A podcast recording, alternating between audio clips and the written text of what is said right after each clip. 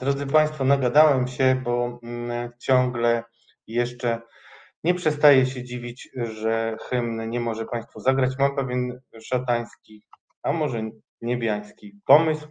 Natomiast przede wszystkim chciałem się przywitać. Nazywam się Radosław Gruca. To jest Katarzis na kanale Reset Obywatelski. Dzisiaj mm, znów program szyty na miarę. I mm, nowa rozmówczyni, której jeszcze nie miałem okazji Państwu zaprezentować, ale za to jestem przekonany, że ma przed sobą mm, dużą przyszłość. Mm, i przede wszystkim e, będzie mogła Państwu opowiedzieć o ważnym zjawisku, jakim jest bojkot konsumencki, ale nie tylko z perspektywy zbuntowanych przeciwko agresji obywatelom, konsum, obywateli konsumentów, ale także jak e, wpływa to, drodzy Państwo, na kondycję firm. Nie, żebym się szczególnie tą kondycją przejmował, Niemniej jednak e, warto to widzieć, bo też jest tak, że mm, chyba wielu z Państwa, a wielu z komentatorów na pewno nie do końca sobie zdaje sprawę z tego, że sankcje to nie tylko zysk w postaci osłabiania możliwości finansowania wojny przez Putina poprzez obcięcie mu dochodów, ale także koszta dla wielu przedsiębiorców i to koszta, które niestety też mm, będziemy mogli albo na pewno mm, odczujemy. I o tym będziemy rozmawiali z Katarzyną Witwicką, z Radia Z, z biznesu. Wcześniej e, parę lat e, też w dzienniku Gazecie Prawnej. Niezmiernie fascynuje mnie e, twórczość Katarzyny, ale także jej pasja do podatków, którą mam nadzieję kiedyś jeszcze Państwu pokażę sama w którymś z kolejnych programów, ale dzisiaj poprosiłem ją, żeby mm, zbierając materiały do publikacji zaplanowanej na magazyn Radia Z. Powiedziała nam o swoich przemyśleniach, jeśli chodzi o perspektywę biznesu. I to już za chwilę, drodzy Państwo. Natomiast y, później mam nadzieję, że uda się połączyć z Krzysztofem Boczkiem, jednym z moich ulubionych dziennikarzy, który zajmuje się nie tylko pisaniem o mediach, między innymi w presie, ale nie tylko, ale też publikuje w Okopres i ma taką mm, bliską mi cechę angażowania się w sprawy, o których piszę. Uważam, że no już o tym mówiłem wielokrotnie, bezstronność to jest y, taka dość wygodna mm, wymówka, żeby nie zajmować stanowiska a w czasie, kiedy mamy takie, a nie inne wydarzenia i bezprecedensowa mm, sytuacja na wschodzie, wojna, destabilizacja świata, czas naprawdę zastanowić się nad tym, czy mm, nie przemyśleć sobie tego, jak dziennikarstwo powinno wyglądać, ale o tym rozmawiamy już chyba z dwa lata, więc y, myślę, że częściowo pokazałem swoje zdanie na ten temat, natomiast będę do tego wracał. A na koniec, drodzy Państwo, doktor Katarzyna y, Blanka Katarzyna Dżuga. Pierwsze imię Blanki to Blanka. Orientalistka i też y, redaktor naczelna Kulturazja.com, która specjalnie dla Państwa przygotowała analizę autorską tego, jaka może być rola w tej wojnie, która toczy się na wschodzie, ale przecież może się niestety rozlać dużo szerzej, jaka rola mm, w tym konflikcie mm, może przypaść Chinom, a w zasadzie powinienem powiedzieć, jaką rolę Chiny odegrają, bo największe pole manewru na dziś ma państwo środka. I o tym porozmawiamy dzisiaj. Bardzo dużo gości starałem się zaprosić, w związku z tym mam już całą listę na przyszły tydzień. Ale wydaje mi się, że e, potrzeba nam trochę czasu, żebyśmy mogli zgłębić temat. Dlatego, drodzy Państwo, najpierw jeszcze podziękuję e, naszej sponsorce dzisiejszej, Aleksandra Łyżwińska. Nie pamiętam, żeby pani Aleksandra miała już przyjemność zostać moją sponsorką, w związku z czym bardzo serdecznie pani Aleksandrze dziękuję i wszystkich Was namawiam, drodzy Państwo. Okej, E, w takim razie miałem też pewne plany, e, które może za chwilę Wam objawię, a teraz już zapraszam naszą pierwszą gościnę, e, Kasia Witwicka, Radio Z. Dobry wieczór, Kasia. Dobry wieczór, cześć, witam Państwa serdecznie i dziękuję Radku za tak piękną zapowiedź, tak ładne przedstawienie mnie. Myślę, że poprzeczka jest wysoko postawiona w takim układzie. Nie, Cieszę się tutaj. Nie, nie, nie, w ogóle nie ciągnijmy tego tematu. Ja jestem wylewny i po to też ten program wymyśliłem, żeby pokazywać takie osoby jak Ty, ale to już nie będziemy dalej sobie słodzić, tylko teraz posłuchajmy tym wszystkim, którzy przyczynili się do tego, że rzeczywiście dzisiaj możemy powiedzieć o realnym bojkocie konsumenckim. I zanim będziemy o tym rozmawiać, to muszę Państwu powiedzieć, że przygotowałem się trochę i jednym z pierwszych bojkotów, y, jakie zna historia, był bojkot herbaty, która przypływała do Stanów Zjednoczonych. E, I tej herbaty Amerykanie pić nie chcieli. I to był jeden z pierwszych bojkotów, ale on na tyle mocno mm, zrobił wrażenie i zapisał się w amerykańskiej historii, że kiedy pojawiła się mm, taka e, grupa ludzi kontestujących porządek w Stanach, to nazwała się właśnie Tea Party. Ale o tym już innym razem. Kasiu, powiedz nam przede wszystkim, jak to wygląda? Ty jesteś redaktorką e, działu biznes, ale tak naprawdę to cię absolutnie nie ogranicza. Natomiast wiem, że szykujesz artykuł na temat tego, jak to wygląda z perspektywy firm. Więc e, zanim przejdziemy do firm, e, zacznijmy od produktów. Rosyjskie produkty w Polsce, które mają objąć, e, ma objąć infamia. Bardzo dużo na ten temat dyskusji jest w mediach społecznościowych, ale o majonezie porozmawiamy sobie na koniec. Więc Powiedz nam, jak ty się szykowałaś do tego tekstu i jak, jaka jest twoja mm, ocena tego zjawiska, jego skali e, i tego, czy to rzeczywiście może dotknąć te firmy, mm, które, e, które rosyjskie produkty mm, nam e, wprowadzają na rynek. Ja może zacznę od tego, że ten temat uświadomił mi, jak bardzo w ogóle biznes, świat biznesu jest skomplikowany, taki nie, niewymiarowy, nie dający się zaszufladkować gdzieś. On jest taki nie dający się ocenić, więc te wszystkie sprawy, o których dzisiaj będziemy rozmawiać, nie są do oceny tak zero-jedynkowo. Tam zawsze jest jakaś dobra i zła strona i dokładnie tak samo jest na przykładzie tego bojkotu. Może zacznę od tego, że y, zaskoczyło mnie to, że ten bojkot to tak naprawdę nie jest jakąś, nie wiem, jakąś akcją zorganizowaną, jakąś akcją zorganizowaną przez kraje, przez urzędy, tylko na początku była to inicjatywa oddolna. Yy, chodziło o to, że po prostu ludzie się skrzyknęli, że uwaga, nie kupujemy białoruskich i rosyjskich produktów. A potem temat podłapały różne organizacje, które między innymi promują yy, polską żywność, yy, patriotyzm konsumencki i tak dalej. I temat w końcu podłapał UOKiK, który y, zaprezentował, jak bojkotować tak naprawdę rosyjskie produkty, chociaż no, nie wiem, czy ten urząd powinien to robić, tak z samej nazwy tego urzędu, że chodzi o ochronę Urząd konkurencji. Ochrony Konkurencji i Konsumentów. No nie wiem, czy to jest ochrona konsumentów, ale szczerze mówiąc, mm.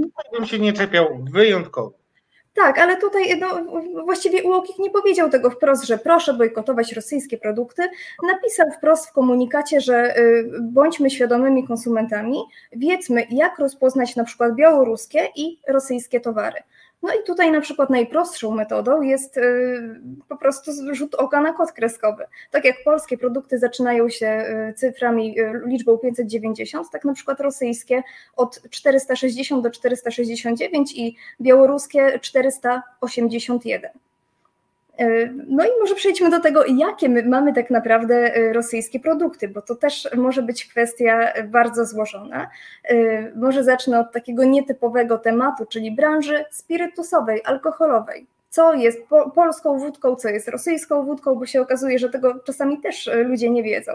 No i na tym rynku było niemałe zamieszanie, ponieważ na przykład Amerykanie w geście e, protestu, jakiegoś buntu i solidarności z Ukrainą zaczęli w niektórych stanach oczywiście e, tak na pokaz też wylewać wódkę, która której nazwa brzmiała bardzo rosyjsko.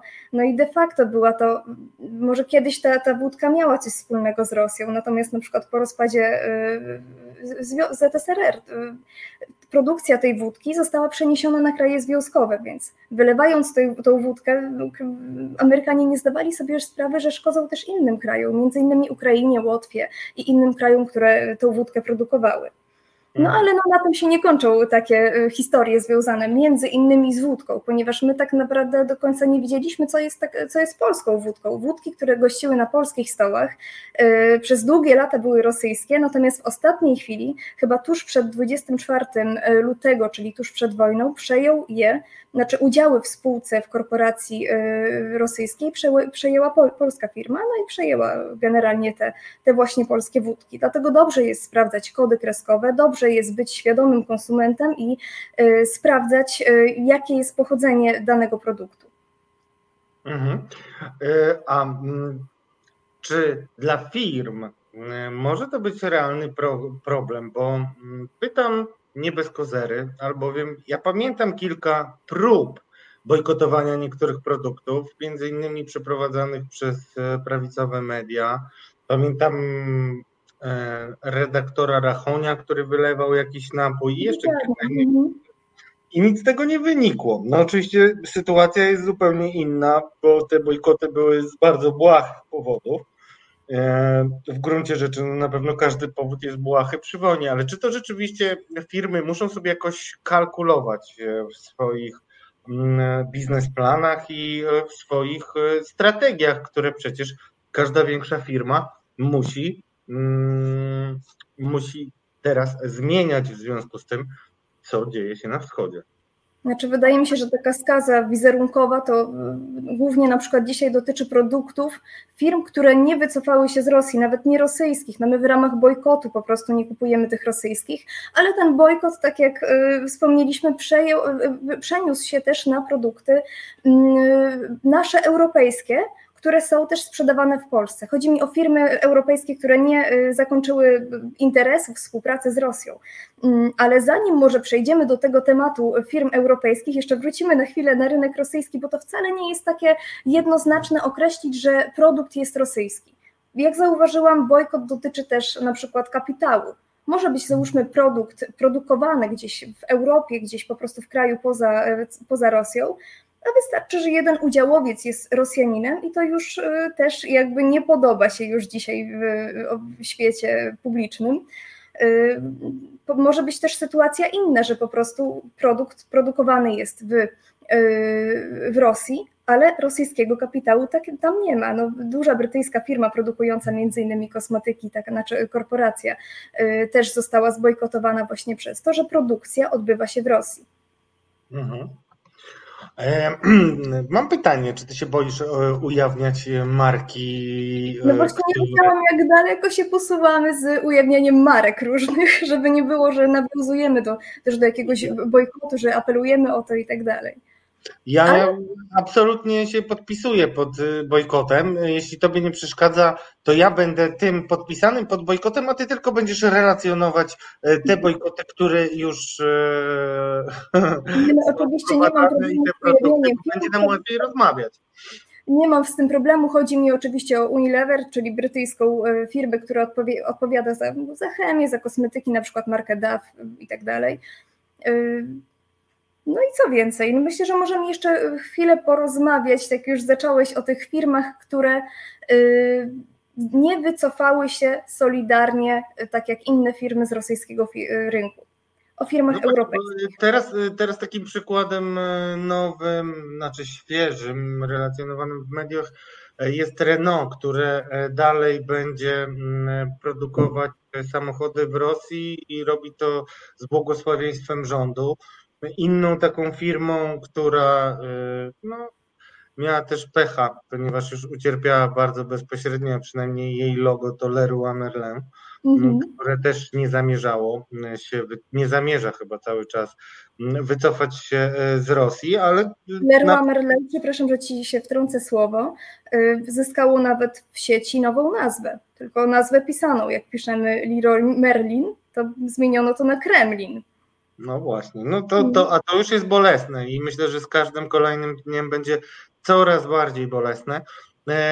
Ale już na przykład Coca-Cola, McDonald's y, i kilka koncernów, które wcale się nie paliły z tym, e, po pewnym czasie zdecydowały się opuścić Rosję, co zresztą jest y, przez samych Rosjan bardzo zauważane. No, w sieci pojawiały się nagrania żołnierzy rosyjskich rozmawiających ze swoimi dziewczynami, gdzie dziewczyny właśnie mm, opowiadały o tym rozpadzie ich świata dookoła i między innymi z bólem zauważały, że już nie ma McDonalda. Mm, czy to rzeczywiście jest tak, że ta presja konsumentów może być niebezpieczna? Jak ty uważasz, czy, czy polskie społeczeństwo w ogóle, które jednak jest takie, nasze jednostki niestety często koncentrują się na swoim nosie i bardzo bliskiej okolicy, no i bliższa, no, no i też kwestia realnych kosztów. No, jednak czasami rezygnacja z niektórych produktów y, może oznaczać większe koszty no, utrzymania, w związku z czym nie każdy się do tego pali, ale jakie jest Twoje widzenie tego problemu?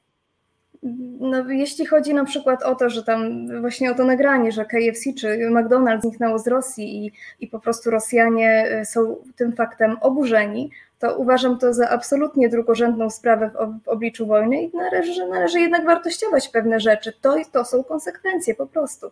Natomiast wracając do konsekwencji, które my możemy odczuć, no bo no nie ma się co łudzić, że na przykład rezygnacja z kupna danego szamponu, które no, no jest taka firma, już nie pamiętam nazwy, taka lecznicza z, właśnie z Rosji, gdzie Rossmann też e, dał, pozostawił w odstawkę wszystkie produkty tej firmy, e, no to nie ma się co łudzić, że rezygnacja na przykład zakupu jakichś takich drobnych rzeczy, nasze wybory konsumenckie nie, nie, nie mają jakby możliwości, żeby wywrzeć aż tak, y, taki duży wpływ na rosyjską gospodarkę, żeby rzeczywiście odciąć Putina od pieniędzy, a umówmy się, że z tych pieniędzy finansowane są między innymi działania militarne dzisiaj, wojna. Y, dlatego też y, myślę, że jedynym sposobem to, to będzie tak takie działanie na masową skalę i nawet nie indywidualne, a państwowe. Y, mam na myśli jedyny duży zakup, który powinniśmy i pewnie sobie odpuścimy, to jest zakup surowców z Rosji, bo to na tym Rosja ma pieniądze. Y, ja tutaj przywołam kilka danych Polskiego Instytutu Ekonomicznego, który mówi o tym, że y, gdyby Rosja przestała sprzedawać na, do Unii, znaczy do krajów Unii Europejskiej surowce, a mianowicie ropę naftową, gaz ziemny i węgiel kamienny, to jej budżet każdego roku skurczyłby się o jedną trzecią, no bo tyle wynosi zysk ze sprzedaży tych surowców. Wiadomo, że to będzie kosztowne dla nas, ponieważ no, szukanie alternatyw, alternatywnych źródeł y, dostaw tych surowców no, będzie kosztowne, ale no, jak widzimy, premier też zapowiedział, że będzie nalegał w Unii Europejskiej na szczeblach unijnych, że będzie y, się starał o tak zwaną tarczę antyputinowską, która ma wyrównywać straty która ma pokrywać z budżetu unijnego jakby różnicę między cenami rynkowymi surowców, a tymi maksymalnymi, które za zgodą Unii każdy kraj członkowski będzie mógł sobie y, ustanowić. Ja mam nadzieję, że dożyję tego czasu, kiedy mm, któraś z partii rządzących przestanie używać tylko tej retoryki takiej obronnej, bo to są tarcze różne i tak dalej, a to jest wszystko takie dla mnie bardzo defensywne, a myślę, że już w defensywie byliśmy od dawna, ale to moje mm. własne myśli. Natomiast e, Kasiu, chciałem Cię jeszcze e, zapytać e, o to, jak w ogóle uważasz, czy te firmy, które będą teraz zastanawiać się nad tym, czy włączyć się w taki proces wycofywania się z rynków, czy też jakiegoś odcinania się w ogóle od rosyjskiego kapitału, Jakie są ich motywacje realne? Czy one naprawdę wizerunkowo mogą tak stracić, że to się odbije na ich um, interesach, czy, e, czy, czy może rzeczywiście jakieś inne tutaj e, czynniki są analizowane, których moglibyśmy się nie spodziewać? Ja niestety nie mam dobrych wniosków po rozmowie y, na potrzeby właśnie artykułu do magazynu Radia Z, jak wspomniałeś, y, z ekonomistami, ponieważ no wszystko generalnie w biznesie sprowadza się do kalkulacji ekonomicznej. I sprawa nie wygląda w ten sposób, że firma, która do tej pory prowadziła interesy z Rosją, na wieść o tym, że Rosja rozpoczyna wojnę, automatycznie zrywa jakieś stosunki handlowe z tym krajem, tylko musi sobie to przekalkulować. I okazuje się, że nawet decyzja o o wyjściu właśnie z rosyjskiego rynku też była jakby podszyta, może nie jakimiś tam, znaczy ja bym chciała w to wierzyć oczywiście, ale obawiam się, że to nie była decyzja wynikająca z jakiejś potrzeby serca czy z jakichś takich pobudek y, ideologicznych, ale raczej czysta kalkulacja. Po prostu przedsiębiorcy mogli się zorientować, że bojkot który widzimy na przykładzie firm francuskich, które pozostały na rynku rosyjskim, y, że bojkot tych, firm może przynieść większe straty, straty poza granicami niż pozostanie, niż wyjście, no, przepraszam, z tego rynku właśnie rosyjskiego. Mhm. No właśnie, jak ty myślisz, czy rzeczywiście teraz społeczeństwo polskie jest na tyle poruszone i może nawet pełne obaw, że uwierzy w to, że rezygnacja z danego zakupu, czy też wspierania danej marki w ten czy w inny sposób może być jakimś wkładem w to, żeby odciąć Putina od pieniędzy. Tutaj mieliśmy na czacie między innymi Bożenę Breczko, którą często jedna z naszych e, darczyńców Mm, Bożena Breczko y, zauważyła, że jej wkładem w bojkot y, Leroy Merlin może być y, rezygnacja z jakiegoś zakupu, który za 17 zł. Ja odpowiadam wszystkim Państwu, że ziarnko do ziarnka i te 17 zł, jeśli przeliczymy nawet na kilkanaście tysięcy wspierających cały czas reset obywatelski internautów, to już to będzie realna suma, którą będzie można dostrzec. To tak od siebie powiem. A jak myśli Kasia? Myślisz, Kasiu, że my jesteśmy jako społeczeństwo gotowi na to, żeby taki bojkot e, skuteczny przeprowadzić i żeby przestraszyć e, jakichkolwiek e, przedsiębiorców z konsekwencjami no, w pewien sposób wspierania Mm, reżimu, który mm, prowadzi wojnę. No dokładnie, absolutnie wspierania, ponieważ zostawiają pieniądze na, na rynku rosyjskim, a te są wydawane na cele właśnie militarne. Ja chciałabym bardzo wierzyć, że y, że, że tak grosz do grosza i coś dobrego zrobimy, że po prostu, y, że taka presja da sens, y, da efekt i, i ma sens rzeczywiście. Mm, jeśli coś mnie cieszy generalnie w bojkocie, to fakt, że rośnie nasza świadomość konsumencka że y, my generalnie już teraz kupujemy, że, że to nie kupujemy samych towarów, my kupujemy razem z danym towarem czy z daną usługą wartości. My mamy wybór przede wszystkim. No, może to jest domena e, młodego pokolenia wyłącznie, a może jest to dalszy trend i mam taką nadzieję, że, że on będzie rozpowszechniany, że kupujemy świadomie, że sprawdzamy tego, tą korporację, za którą stoi dany produkt, dana, dana usługa że tak jak mówię, nie kupujemy gołego samego produktu, tylko za tym idzie coś, coś więcej, za tym idą deklaracje. Dlatego też jestem troszkę zawiedziona, jeśli jeśli spojrzeć na przykład na politykę CSR, y, czyli politykę właśnie y, odpowiedzialnego biznesu, którą każda duża korporacja wdraża, ponieważ wie, że po prostu ludzie, media, każdy konsument patrzy jej na ręce. I jestem zawiedziona. No dla... Przepraszam, że ci wejdę w słowo, bo to jest bardzo takie popularne pojęcie, odpowiedzialne mm, poczucie odpowiedzialnego biznesu. O co w tym chodzi i na ile ty osobiście jako redaktor Witwicka, mm, redaktorka Witwicka, w to wierzysz? Mm, obawiam się, że po prostu, znaczy, jeśli jedno drugiego nie wyklucza, to jest ok. Bycie etycznym stało się opłacalne to jedno drugiego nie, nie wyklucza. Tak jak mówię, to nie chodzi o pobudki nawet takie z potrzeby serca, że, że my na przykład, nie wiem, y, wycofamy jaja z chowu y, klatkowego, że będziemy na równi płacić kobietom i mężczyznom. No, to się wszystko składa na tą politykę y, CSR-ową, że będziemy ekologicznie prowadzić biznes. No, szkoda, że akurat nie, nie składa się w praktyce na to wycofanie się z kraju, który prowadzi wojnę. Co pokazała właśnie praktyka, bo te wszystkie firmy, czyli Auchan, Leroy Merlin i Decathlon mają wdrożone takie polityki y, i one rzeczywiście w swoich stanowiskach y, jakby jasno wskazały, że, że pomagają Ukraińcom i tak dalej, pomagają uchodźcom, że, że są przeciwni wojnie, ale mimo wszystko nie zrezygnowali z, y, ze sprzedaży na tamtym rynku. na rosyjskim rynku. Więc hmm. obawiam się, że, ta, że to może być nieco taki zabieg marketingowy. Hmm. Praktyka pokazuje, jak jest naprawdę. No właśnie, bo zastanawiam się, gdzie tutaj, czy to w ogóle można zważyć. To znaczy, e, ja słyszałem o różnych firmach, e, które mm, rzeczywiście z pobudek e, idealistycznych ich właścicieli, tudzież prezesów, robiły różne dziwne rzeczy, ale to wzmożenie jeszcze chyba w Polsce mm, nie jest do końca doceniane. Znaczy przynajmniej wydawało mi się tak, e, kiedy nie doszło do wielkiej dyskusji o majonezie, bo teraz e, majonez winiary został ofiarą e, interesów firmy Nestle, która jest producentem tego, tegoż wykwintnego.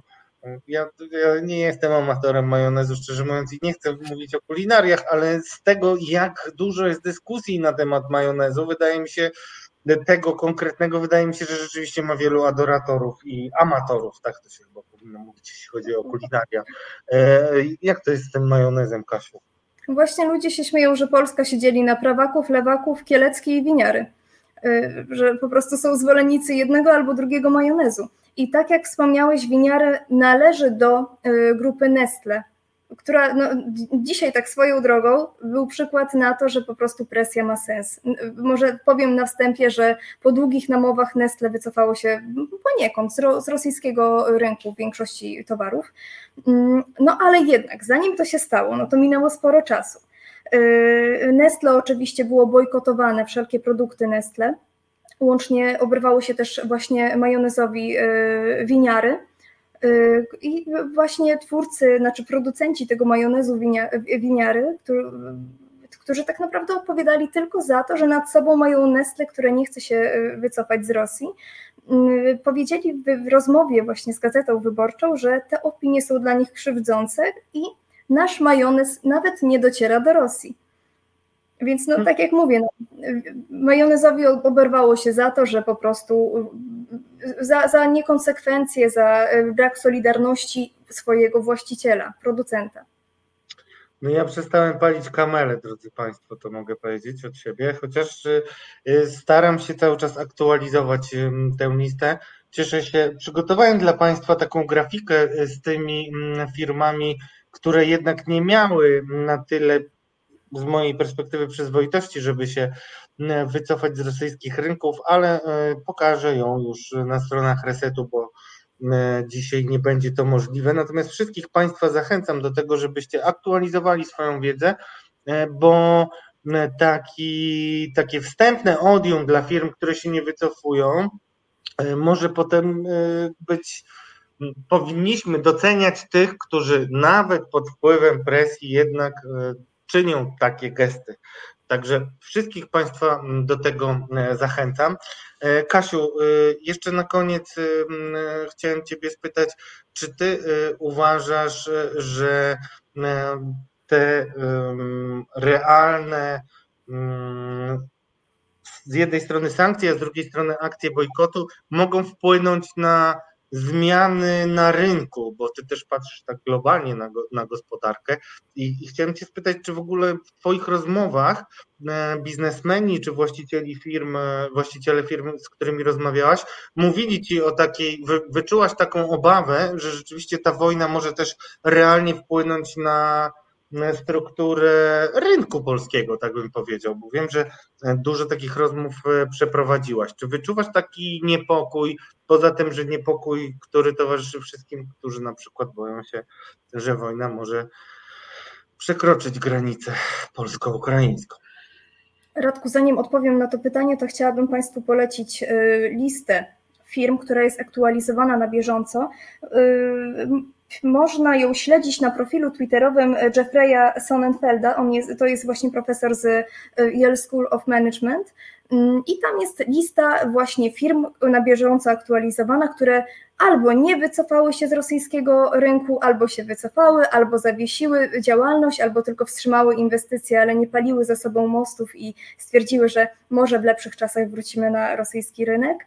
Y, wszystko jest do, dokładnie opisane, każda odnoga każdej korporacji, więc polecam też y, tę listę. Natomiast odpowiadając na Twoje pytanie dotyczące obaw, różnych konsekwencji, jak może wyglądać rynek polski i, i generalnie światowy, bo obawiam się po prostu, że po wycofaniu się jakby, oczywiście miejmy nadzieję, że, że jakby sankcje przynoszą, przyniosą efekt w postaci faktycznego braku pieniędzy na finansowanie wojny i w postaci presji ostatecznie na decyzje polityczne.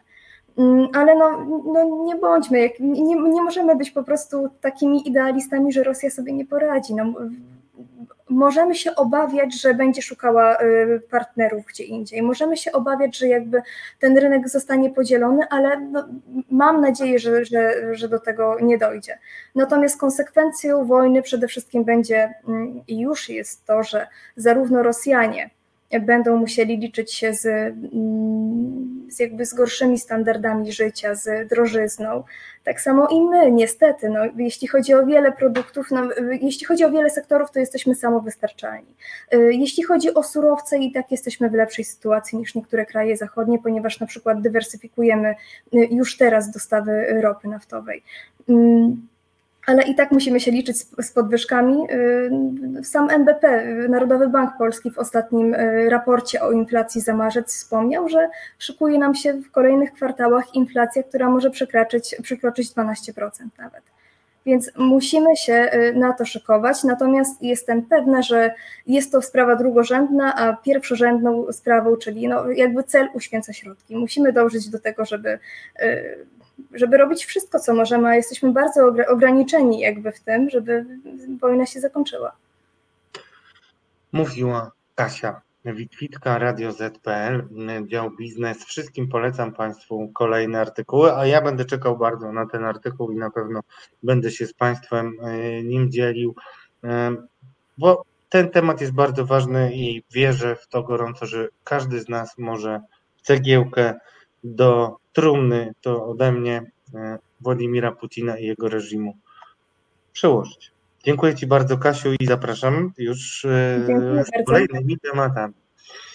Drodzy Państwo, Kasia Witwicka. Mm, na pewno jeszcze nie raz będę ją zapraszał i będę Wam polecał jej artykuły, ponieważ e, mm, trzeba stawiać na młodą krew. Także teraz poproszę Filipa, żeby dał mi chwilę na to, żebym e, złapał drugi oddech, a za chwilę już wracamy i porozmawiamy sobie o sytuacji e, na granicy, o polskim sercu i o tym, mm, jak bardzo różnią się przekazy CNN od tego, co widzę w polskich mediach.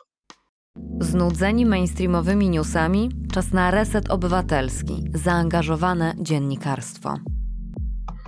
To znowu ja, Radosław Gruca i to jest Katarzis na kanale Reset Obywatelski. Nie wiem, czy Krzysztof Boczek się pojawi tak szybko, jakbym chciał. Mm, e, no, ale za to ja i tak mam Wam dużo do powiedzenia. Mm, przede wszystkim chciałem powiedzieć, że mm, będziemy mieli do czynienia z wyjątkowo brzemiennym skutki dla e, polskiej polityki, mm, dla polskiej sytuacji na arenie międzynarodowej, ponieważ najpierw e, w czwartek, e, czyli już jutro, zacznie się szczyt NATO w Brukseli. Już zjeżdżają się tam liderzy państw. To będzie bardzo ważny szczyt. Już wiadomo też, że Joe Biden przyleci w piątek do Warszawy. W sobotę ma się spotkać z prezydentem Andrzejem Dudą i ma do przekazania ważne informacje odnośnie zmian, czy też mówiąc wprost, wzmocnienia sił. Ojej, drodzy Państwo, przepraszam, ale jest mi strasznie przykro, y, ponieważ właśnie przyszła wiadomość o śmierci wielkiej przyjaciółki Polski, którą zresztą miałem przyjemność poznać i zrobić z nią wywiad, Madeleine Albright. odeszła. Była szefowa amerykańskiej dyplomacji w administracji prezydenta Billa Clintona. Jest mi przykro z tego powodu, to była wielka przyjaciółka Polski, jej zasługi dla wprowadzenia Polski do NATO są nie do przecenienia. Także oddaję jej niniejszym hołd i przepraszam, że e, że wybiło mnie to z rytmu. Notabene chciałem też jeszcze raz Państwa przeprosić za nie do końca profesjonalnie poprowadzoną audycję w czasie, kiedy Władimir Putin zapowiadał, że uzna republiki ludowe w rejonie Donbasu, bo przyznam się, że już wtedy czułem, że będzie źle. Także y, to tyle. Wiemy, że program jest na żywo, w związku z czym nie mogłem y, się powstrzymać, ale teraz wracam do y, moich pierwotnych przemyśleń, drodzy Państwo.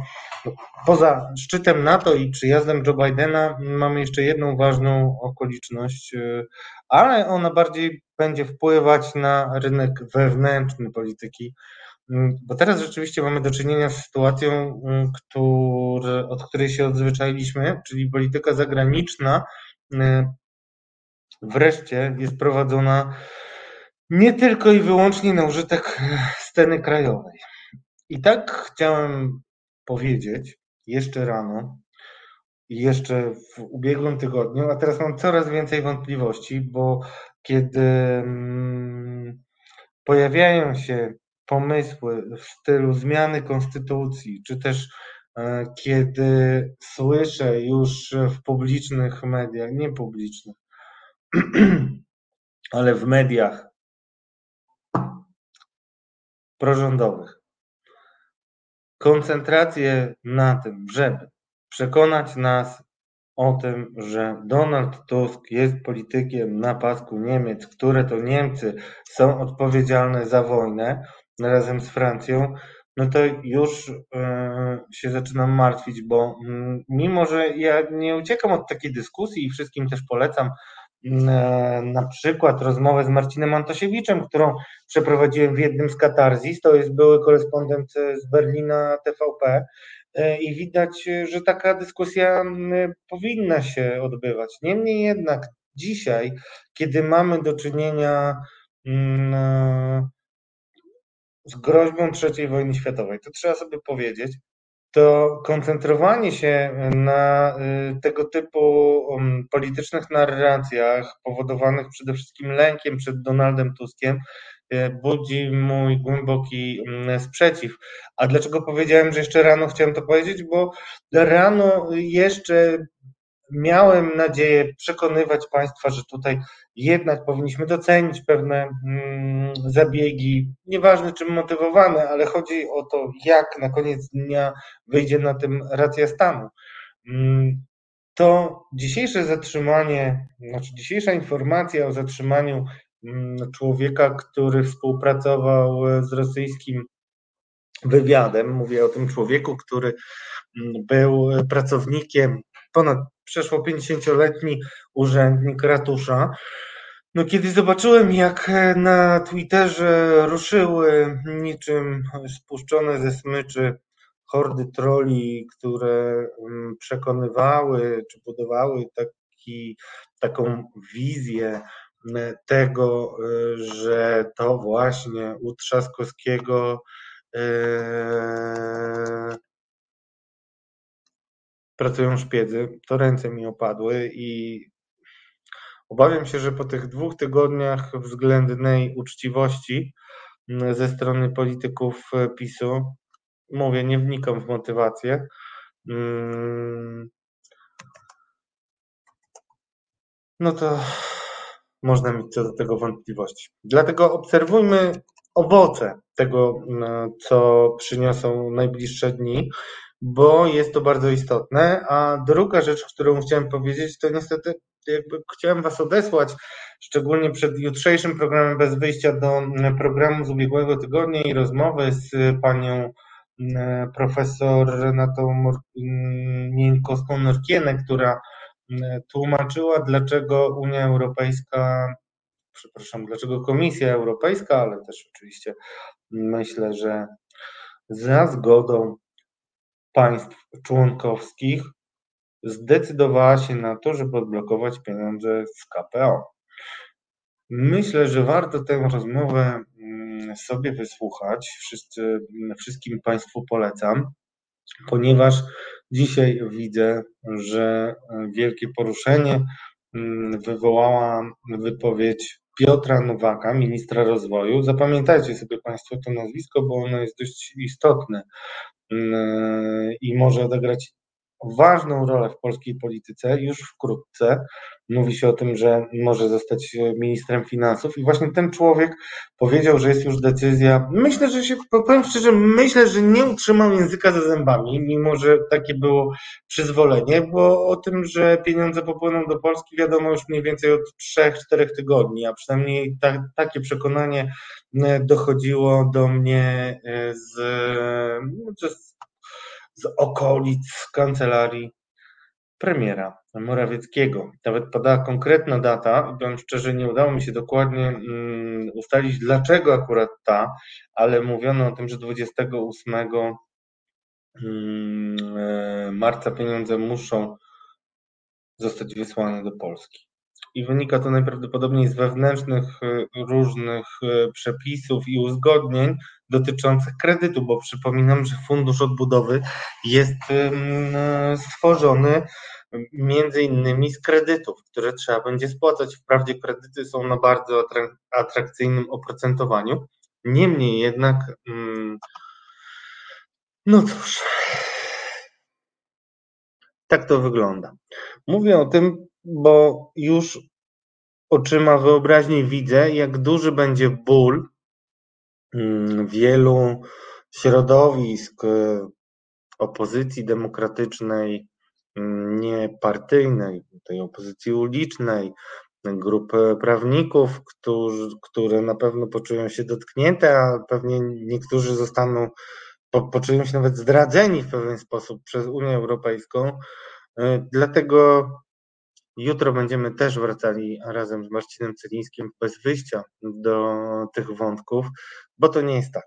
Bo to nie jest tak i nie ma tutaj mowy o, o, o żadnym mm, dealu ani y, ograniu mm, Komisji Europejskiej, choć na pewno tak propaganda będzie się starała to Państwu przedstawić. Mm, sprawa jest bardziej skomplikowana, natomiast to, co od siebie chciałbym też dodać, y, nie kryjąc, że bardzo się cieszę, że wy jako resetarianki, resetarianie, widzowie naszych programów jesteście chyba mm, wyjątkowo szybko poinformowani, jeśli chodzi o mm, to, co może się wydarzyć, bo tak jak e, już w ubiegłym tygodniu rozmawialiśmy z panią e, profesor, to rozmawialiśmy tak jakby ta decyzja już zapadła, bo tak właśnie było. I dzisiejsza pobudka przebudzenie mediów mainstreamowych, y, opieranie się na wypowiedzi Piotra Nowaka trochę mnie bawi.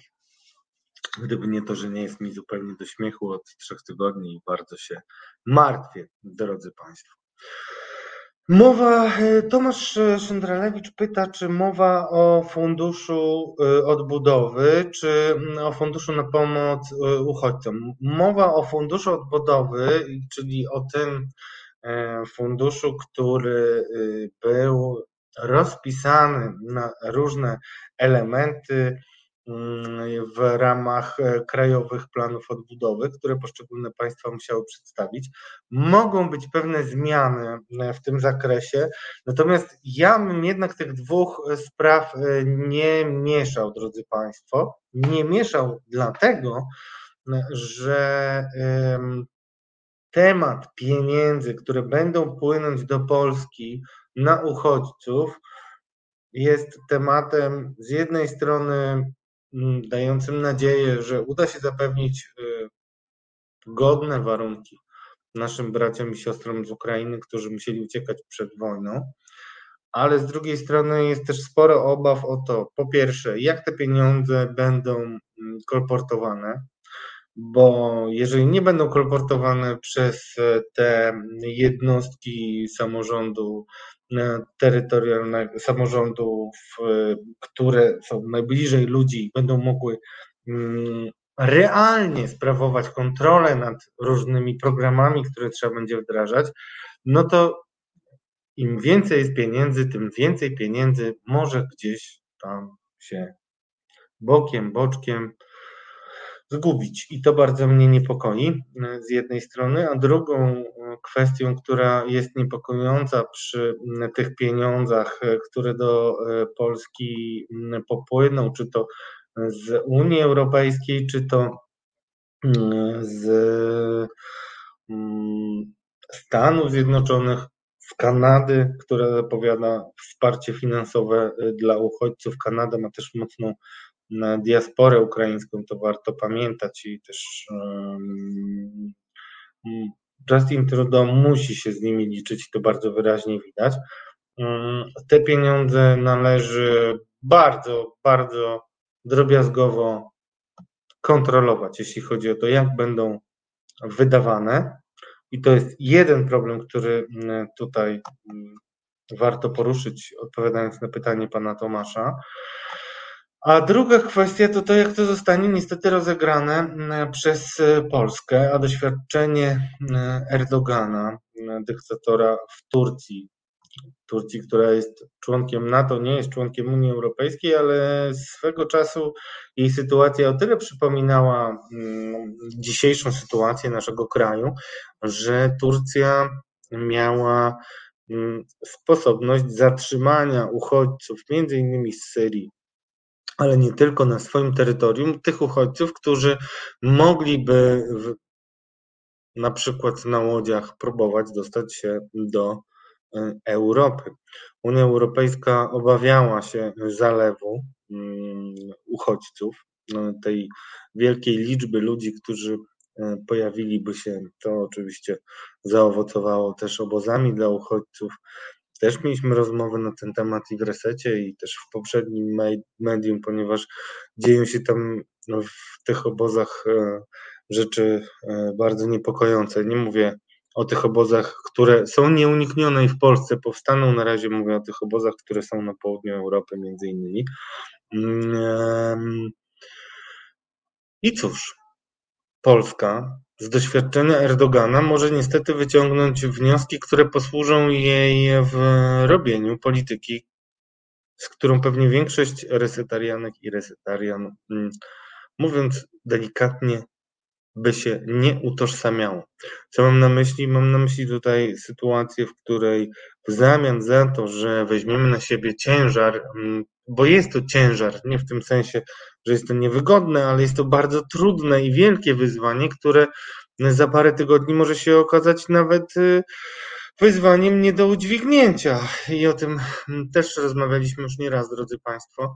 Mm, mówię oczywiście o, opieką, o opiece nad y, uchodźcami z Ukrainy ale y, co dla nas, ludzi świadomych sytuacji politycznej, może być jeszcze bardziej niepokojące i powinniśmy już o tym zacząć dyskutować i zastanawiać się, jak na to reagować, to to, jak można wykorzystać, drodzy Państwo, mm, to mm, w polityce międzynarodowej, a mówiąc krótko, jak w zamian za obietnicę złożoną państwom europejskim, e, obietnicę zatrzymania e, Ukraińców, którzy uciekają przed śmiercią mm, do Polski i do innych krajów, jak w zamian za zatrzymanie mm, zmusić, czy też negocjować z państwami Unii żeby przymknęły oczy na różne niepokojące, niedemokratyczne mm, itp. itd. działania naszego rządu, drodzy Państwo. Także tak to wygląda, jeśli chodzi o stan gry na e, dzisiejszy dzień, mm, czyli dwa podstawowe mm, problemy. Z jednej strony no, Ukraina, e, uchodźcy i wojna, ale z drugiej strony też nasze relacje w Unii Europejskiej. Proszę Was, mimo tego, że dzisiaj jesteśmy wszyscy zaaferowani tym, co dzieje się na wschodzie, nie myślmy I nie dajmy sobie wmówić, że nagle nasza władza zamieni się w niewinne owieczki, zacznie szanować reguły demokracji, zacznie być przynajmniej nie antyeuropejska, ale eurosceptyczna i tak dalej, i tak dalej, drodzy Państwo. Widzę już wiadomość od naszego drogiego Filipa, że Blanka jest gotowa do tego, żeby opowiedzieć Państwu o Chinach, więc wrócimy po chwili muzyki i zwrócimy Państwa uwagę na to, że być może klucze do rozwiązania problemu jaki Putin wywołał swoją agresją na Ukrainę, są w Pekinie. Za chwilę wracamy. Reset Obywatelski działa dzięki Twojemu wsparciu. Znajdź nas na zrzutka.pl. I wracamy, drodzy Państwo. To jest Katarzis Reset Obywatelski. I już e, jest z nami Pani doktor Blanka Katarzyna Dżugaj, orientalistka, ekspertka od Azji i naczelna kulturazja.com. Dobry wieczór, Blanko. Dobry wieczór, cześć Radku. Dobry Jakoś wieczór. cicho Cię słyszę, nie wiem, czy y, Filip okay. nam może trochę z tym pomóc. Może ja coś mm, mogę Ale... Nie. O, y, może, może ja coś ściszyłem i chyba tak. Drodzy Państwo, mam nadzieję, że Wy słyszycie dobrze, bo Blanka specjalnie dla Państwa, na moją prośbę, przedstawi dzisiaj Wam perspektywę, która w moim przekonaniu jest bardzo niedoceniana i mało zarysowana, jeśli chodzi o polskie mainstreamowe media. Chodzi o Chiny. W ogóle w Polsce mamy bardzo mało ekspertów, którzy zajmują się na co dzień Chinami. W zasadzie, jeśli chodzi o takich ekspertów medialnych, to możemy policzyć ich na palcach jednej ręki, może jakoś druga będzie przydatna, chociaż na, pierwszy, na pierwszą myśl to jednak jedna ręka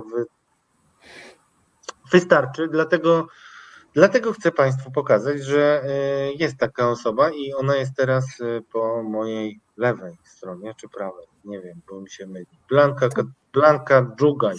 Blanko, powiedz nam, dlaczego Chiny, nie, powiedz nam, dlaczego Władimir Putin nie zaatakował Ukrainy przed końcem Igrzysk Olimpijskich. Bo go prosił e, wielki brat. Wielki brat, musimy pamiętać. Wielki brat Putin.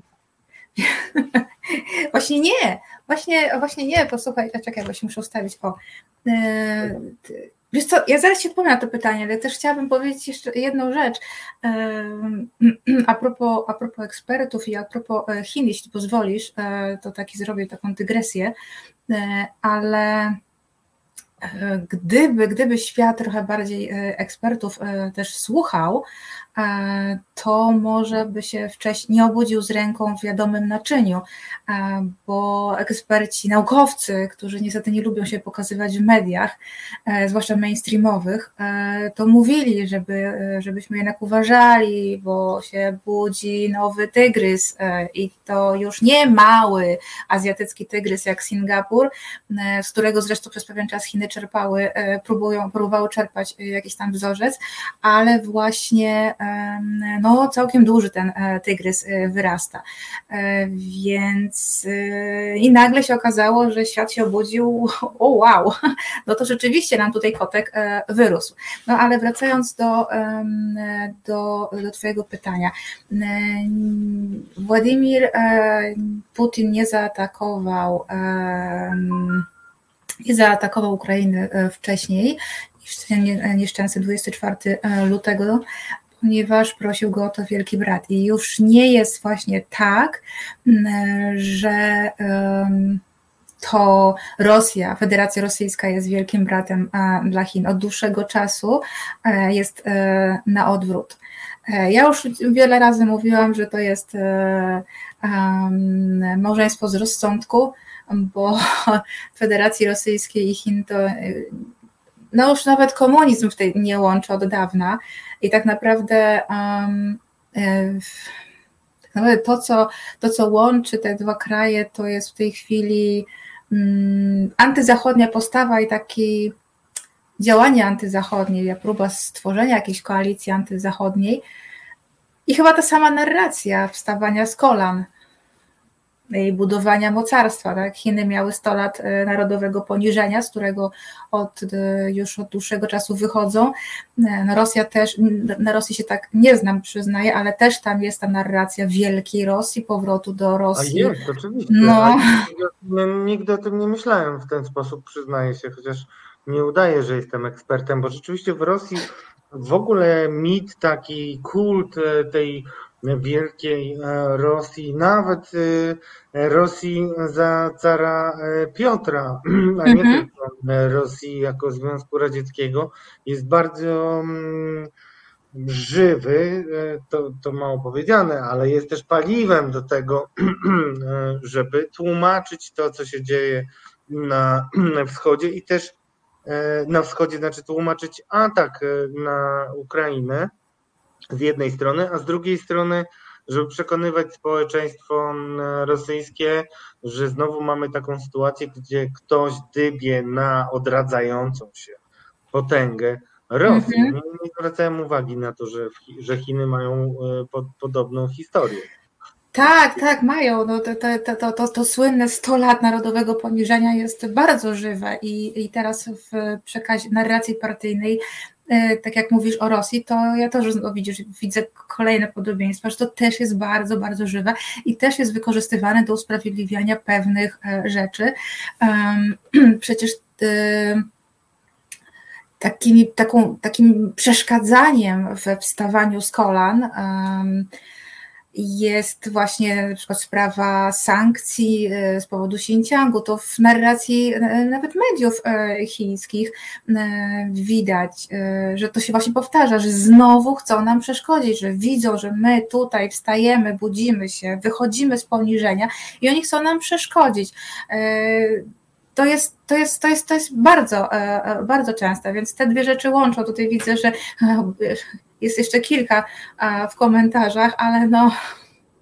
No dobrze, to ja tylko jeszcze powiem, że, że, że to jest bardzo, um, bardzo bieżący wątek i odeślę Państwa, tych, którzy nie wiedzieli, do mojego wspomnienia z dzisiejszego poranka i tym razem przenieśmy się oczyma wyobraźni pod MSZ, z którego wychodzi ambasador Federacji Rosyjskiej i wyraźnie poruszeni tymi kłamstwami Rosji, które y, bezceremonialnie serwuje ambasador y, dziennikarzom bez mrugnięcia okiem.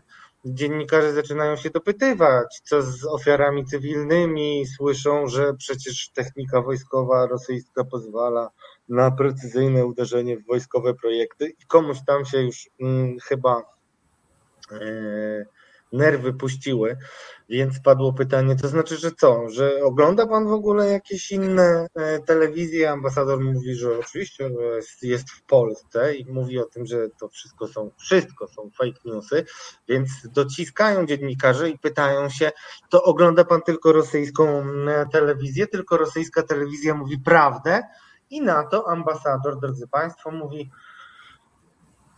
chińska jeszcze mówi.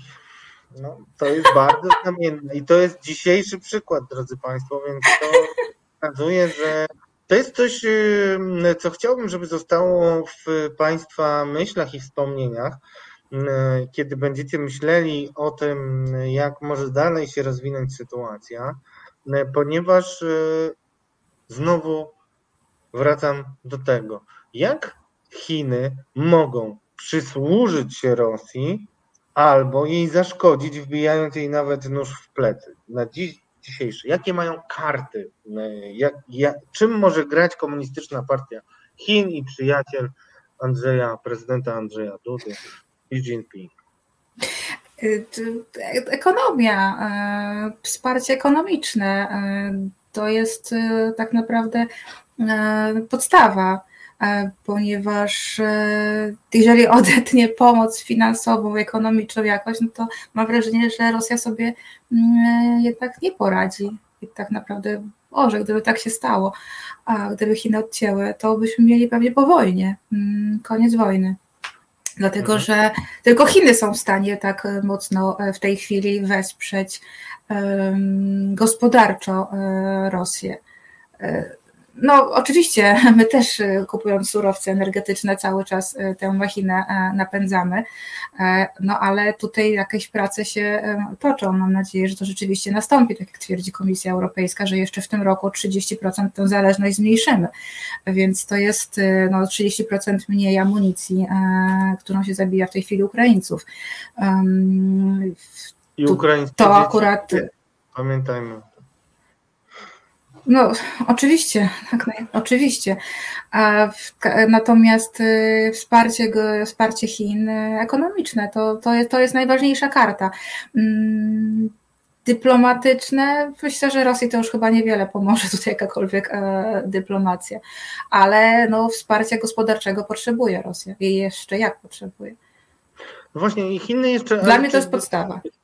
Zastanawiam się, czy, y, czy widać już możliwe warianty i możliwe drogi, którymi może pójść y, chińska władza w tym konflikcie. To znaczy, czy y, istnieje jakakolwiek szansa, jaka jest Twoja opinia, że Chiny jednak zdecydują się Rosję zostawić? I jeśli tak, to z czym by się to mogło wiązać? Dlaczego o, tym py dlaczego o to pytam? Ciągle istotny wątek i mam nadzieję, że jednak już jakoś dość w świadomości naszych resetarianek i resetarian, naszych widzów, e, bardziej świadomych niż większość e, społeczności internetowych, e, osadziło się w świadomości to, że tak jak Rosja dzisiaj napada na Ukrainę, tak Chiny mogą być chętne do tego, żeby napaść na Tajwan. Właśnie widziałam, e, Wojtek Polak e, pytał o, o Tajwan i chciałam się też do tego, e, tego pytania jakieś odnieść, ale skoro, skoro teraz zapytałeś, to, to, połączę, to połączę te dwa pytania. Słuchaj, to odpowiedź jest niestety trochę długa, więc musisz mnie stopować w razie czego, bo ja uważam, że jest bardzo duża szansa, że Mów. E, ja uważam, że jest bardzo duża szansa, że, e, że, że Chiny e, zostawią Rosję, mm, a na pewno nie pomogą jej tak, jak na to Rosja, Rosja liczy. I tutaj czynników jest wiele. Przede wszystkim Chiny to jest kraj, który patrzy bardzo pragmatycznie, mm, patrzy długofalowo. To jest coś, czego my na Zachodzie nie potrafimy. My myślimy kadencjami konkretnych parlamentów i tak No oni o kadencji nie muszą martwić, to też jest dość istotne. No, no, no, o to chodzi, o to chodzi. Oni od lat myślą raczej tymi swoimi na przykład pięciolat, planami, pięciolatkami, ale to są plany, a nie konkretni ludzie. Więc, więc to, są, to, to, jest, to jest kraj, czy też właśnie jak wspomniany profesor e, Guralczyk, e, to tam z jednej ręki e, zawsze mówi, że to jest E, cywilizacja przebrana w, e, w ramy państwa. E, więc oni patrzą długofalowo. Ja miałam, mam wrażenie, że w ogóle cała ta, cała ta wojna w Ukrainie była takim wielkim papierkiem lakmusowym. Ona się opłaca w dwóch, w tylko właściwie Chinom, tylko jednym przypadku, jeśli Putin by wygrał. Mm, I to najlepiej przez ten Blitzkrieg. Myślę, że na to Chiny mm, E, Chiny e, mogły też liczyć, że to będzie, że to będzie po prostu operacja zajęcia Kijowa w dwa dni. Tak jak w tym memie teraz, zaczynamy 27 dzień e, operacji zajęcia Kijowa w dwa dni. Więc myślę, że mógł na to Xi Jinping liczyć. Niemniej w tej chwili przedłużająca się wojna jest Chinom kompletnie nie na rękę. Jeżeli Putin przegra, na co mam, e, wszyscy chyba mamy, liczymy, e, no to w ogóle e, dla Chin to będzie, no może nie katastrofa, ale du, du, ogromna porażka. Dla samego Xi Jinpinga to może być ogromna porażka. A dlaczego? Mm, dlatego, że jesienią, na pewno w tym roku, wydaje mi się, że jesienią są wybory nowego przewodniczącego KPH. I w tej chwili one się wydają formalnością, oczywiście ale no jeżeli. Której przewodniczącym jest y, już wiele lat. I rozumiem, że ma szansę na kolejną kadencję, ale jeżeli nie rozegra tej sytuacji korzystnie dla Chin, może wcale to nie być taką formalnością, tak? Oczywiście, że tak. Wiesz to, bo mm, przez y, wiele ostatnich lat y, była taka zasada, że rządzi zbiorowy cesarz, czyli y, w Chinach, czyli rządzi partia. Natomiast Xi Jinping wrócił troszeczkę do, znaczy próbuje i jemu się to bardzo dobrze udaje, do kultu Mao, czyli kultu jednostki, przy czym jednostką jest oczywiście Xi Jinping. On zbudował Chiny to Xi w tej chwili. I tak jak powiedziałam, w tej chwili jego wy, dalszy wybór na, na, na, na, szefa jest oczywistością, ale jeśli e, członkom partii ta wojna przestanie się opłacać, a przestanie się zaraz opłacać, no to, to wcale nie jest ten wybór już taki oczywisty. Więc Xi Jinping też musi, mm, musi e, myśleć o tym, e, no, co z jego e, przyszłością i ambitnymi planami. Dalej. Dalej to jest kwestia gospodarcza. Chinom, e, Chiny rozwijają tą inicjatywę pasa i szlaku. E, to jest e, ogromne, to jest, to jest ogromny projekt, w który wpako, Chiny wpakowały już gigantyczne pieniądze mm, i, i im są te, te państwa, wszystkie, tam jest już chyba naprawdę kilkadziesiąt państw w tej inicjatywie, no i one są potrzebne, żeby dalej ten jedwabny szlak e, rozwijać i czerpać z tego profity ekonomiczne. Gospodarka e, Chin ma się całkiem spoko, ale też troszeczkę na na e, pandemii koronawirusa ucierpiała. Związku z czym trzeba teraz tę gospodarkę postawić na nogi, między innymi przez relacje handlowe. Jeżeli się Chiny na przykład odetnie znowu sankcjami, no to z powodu ich związków z Federacją Rosyjską, no to będzie cienko. Zobacz, że kto, Jezus, nie pamiętam który, ale polityk e, chiński mówił już ze dwa dni temu, czy wczoraj, że Chiny nie chcą e, cierpieć na skutek e, sankcji wobec Rosji. Im się to po prostu nie opłaca. Więc to jest, to jest, druga, to jest druga rzecz. No i wreszcie mm, trzecia rzecz to jest coś, czego e, Chiny nie chcą bardzo, bardzo mocno, a mianowicie e, roś, e, mm, powrót potęgi Stanów Zjednoczonych równa się NATO, bo dla, dla Chin Stany Zjednoczone to jest NATO. Zobacz, że mm, Zobacz, że znaczy ja mam wrażenie, że e, w Waszyngton, e, brzydko mówiąc, przepraszam cię, ale chcę wykorzystać tę wojnę do tego, żeby wrócić na pozycję e, lidera, tak, takiego hegemona, jak za dawnych czasów, pod skrzydłami którego schroni się cały świat. No i też świat azjatycki. Zobacz, że już Japonia jest bardzo mocno teraz za Stanami Zjednoczonymi. Dalej e, Korea Południowa, no też się tam mocno tam przytula, chociaż teraz nie wiadomo, bo będzie nowy prezydent, e, więc e, może nadać inny ton. To też będzie ciekawe do obserwacji.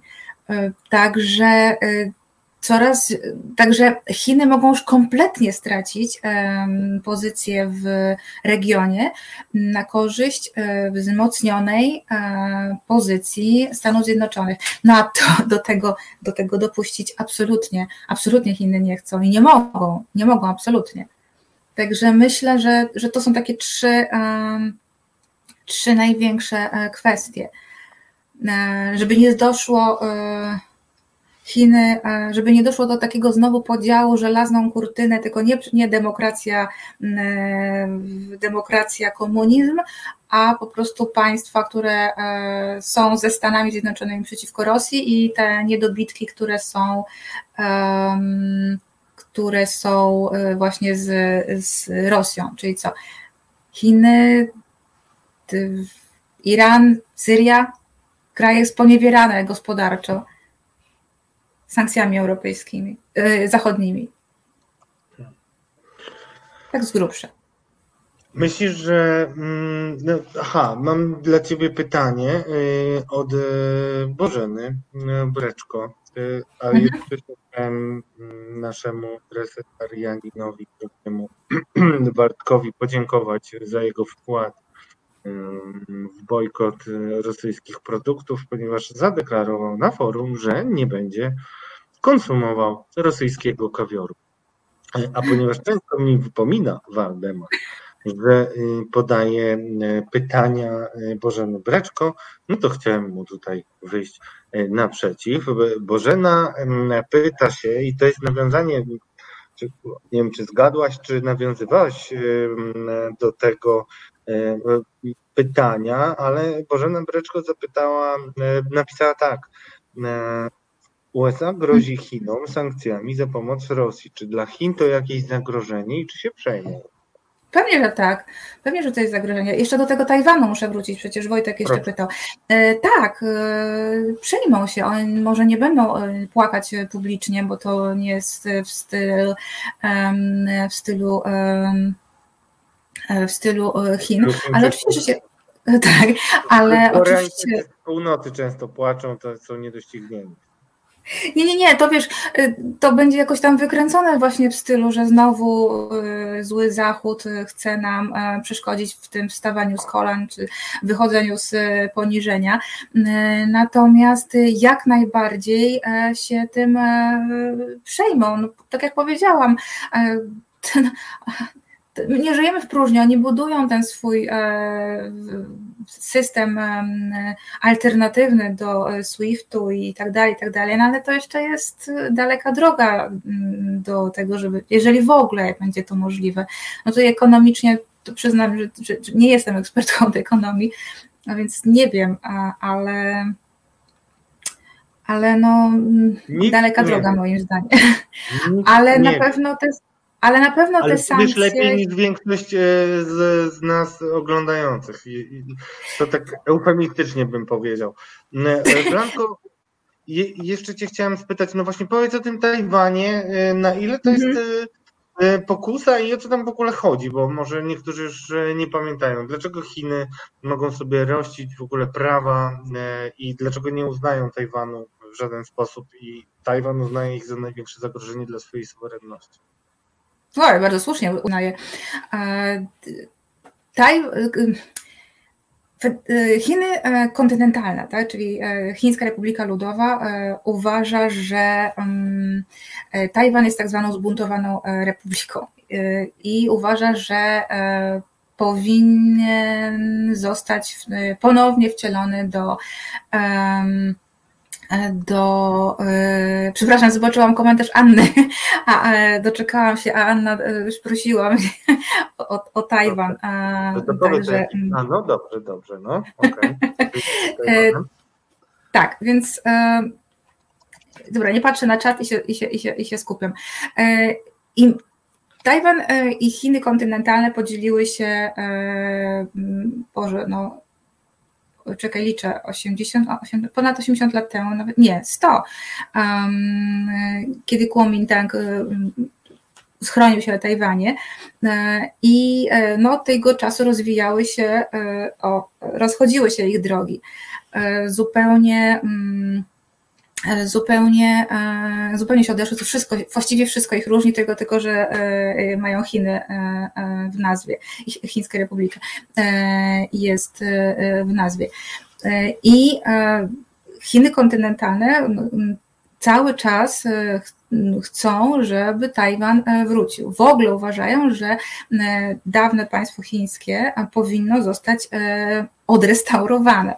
Stąd y, Hongkong, y, który wrócił, y, no zgodnie z umową oczywiście, mm, ale niezgodnie z umową jego mm, autonomia jest mocno podważana i łamana przez rząd w Pekinie. Stąd też właśnie Tajwan. Na no, Tajwan nie chce. To jest oczywiste. Tajwan się, się bardzo e, boi. E, to zresztą było ostatnio widać w, w mm, ich takiej troszeczkę nawet desperackiej, ale się nie dziwię, przytuleniu się do Stanów Zjednoczonych. Zresztą Stany Zjednoczone, bo, bo przepraszam, już chaos wprowadzam w narracji chińskiej w ostatnich e, latach bardzo mocno e, naciska się na e, przyłączenie Tajwanu do, do Chin. I właśnie w narracji Xi Jinpinga on chyba ma dużą ambicję dołączenia Tajwanu. Więc jeżeli ktoś by mnie zapytał, zresztą tak jak było na czacie pytanie, czy jest prawdopodobna mm, inwazja, to ja uważam, że tak. Ja nawet obstawiałam z kolegą, że to się stanie w tym roku. E, uważam, że wojna w Ukrainie była swego rodzaju, rodzaju papierkiem lakmusowym dla e, HRL-u bo że na Tajwan dla Chin to tak jak Ukraina dla Rosji. No dokładnie tak. I to jest dokładnie ta sama narracja. Dlatego, y, dlatego y, Xi Jinping i Chiny nie potępiły tego i nie używają słowa inwazja, używają słowa kryzys i inne e, synonimy, y, słowa kryzys, natomiast nie inwazja, bo ktoś mógłby im potem wyciągnąć, że ale hello, hello, e, to Tajwan, i oni chcą użyć tej samej, przynajmniej chcieli, użyć tej samej retoryki, e, co Rosja do Ukrainy. Zbuntowana republika, która musi wrócić do macierzy. I ja mam wrażenie, że po prostu czekali, e, jak świat zachodni e, zareaguje na Ukrainę i czy będzie. Hmm, czy będzie reakcja e, gwałtowna, czy też będzie jak z Krymem w 2014 roku. I wtedy przypuszczam, żeby sobie po prostu pozwolili. E, nawet w prasie, mm, w prasie amerykańskiej pojawiły się mm, obawy amerykańskich dziennikarzy, że, że Waszyngton straci z oczu Azję E, i, i Waszyngton kilkakrotnie e, zapewnił, że absolutnie nie, że e, nadal, że już prowadził wojnę że już prowadził wojny na kilku frontach, czy uczestniczył w teatrach wojennych na kilku frontach i że teraz też sobie poradzi. Też Waszyngton wysłał bardzo prominentnych polityków właśnie na Tajwan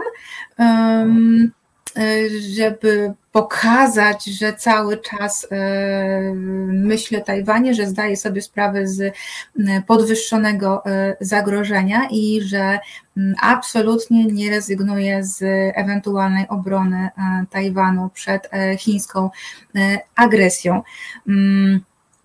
Zresztą było to chyba nawet dwie delegacje, o ile tak, dwie delegacje dzień po dniu. Także myślę, że tutaj e, teraz e, Chiny troszeczkę e, będą ostrożniejsze, jeśli chodzi, przynajmniej jeśli chodzi o kwestie mm, Tajwanu, że, no, że już w tej chwili będą, zdają sobie chyba sprawę z, z, z, no, z, z ryzyka, bo ta odpowiedź zachodnia była jednak dosyć stanowcza, jeśli chodzi o o Ukrainę. Oczywiście pytanie, czy, czy Tajwan byłby e, faktycznie e, tak istotny dla, dla, dla Zachodu. Też była ta kwestia dyskutowana na spotkaniu Quad, e, tego sojuszu między Australią, Australią, Japonią i Boże, Australia, Japonia, Indie i Stany Zjednoczone. Ta kwestia bezpieczeństwa e, w regionie, e, w Azji też była dyskutowana, więc Stany Zjednoczone dużo sygnałów dają, że nie spuszczają Azji z oka. Więc mam wrażenie, że e, test został przeprowadzony i Chiny już wiedzą, no i teraz wyciągną z tego wnioski, ale myślę, że, że, że wyciągną wnioski, mm, no, że może niekoniecznie teraz, że to nie jest jednak chyba dobry moment. To jeszcze ostatnia e, rzecz, e, bo to też z Twojej dziedziny azjatyckiej. E, zwracałeś też uwagę, że Rosja wycofała się z rozmów pokojowych z Japonią. E, I chodziło o Wyspy Kurylskie. E, dokładnie tak. czytam teraz jeszcze twój tweet. MSZ Rosji stwierdziło, że winę ponosi antyrosyjska polityka rządu e, Kishidi Fumio i podpisanie traktatu w takich okolicznościach jest niemożliwe. Można powiedzieć coś więcej, bo jednak Japonia też no, tutaj zdecydowanie wspiera demokratyczny świat. Tak, i, i została nawet pochwalona ostatnio przez, e, przez Bidena, e, który e, dał jednocześnie przytyczka w nos Indiom. Biden stwierdził, że że świetnie sprawuje się NATO, jeśli chodzi o kwestię wojny w Ukrainie, świetnie sprawuje się, aha, rzeczy i, i kilka innych sojuszy, natomiast wyjątkiem jest właśnie wspomniany Quad ze względu na chwiejną politykę Indii. Natomiast świetnie właśnie działa e, Japonia i, mm, i Australia. Tak, Japonia od razu naprawdę chyba w ciągu doby e, zareagowała na rosyjską agresję i ją e, potępiła i, opowiedziała, że, jak, że tak, Kishida Fumio od razu powiedział, że, że już pracuje nad mm, przyłączeniem się do sankcji. Nie będą to sankcje, prawdopodobnie, przynajmniej na razie nie będą to sankcje w zakresie e, surowców energetycznych, niestety, e, no ale do większości rzeczywiście się e, przyłączyły i cały czas jest mowa o mm, ewentualnie o kolejnych, kolejnych sankcjach. Zresztą po tym, jak wczoraj MSZ Rosji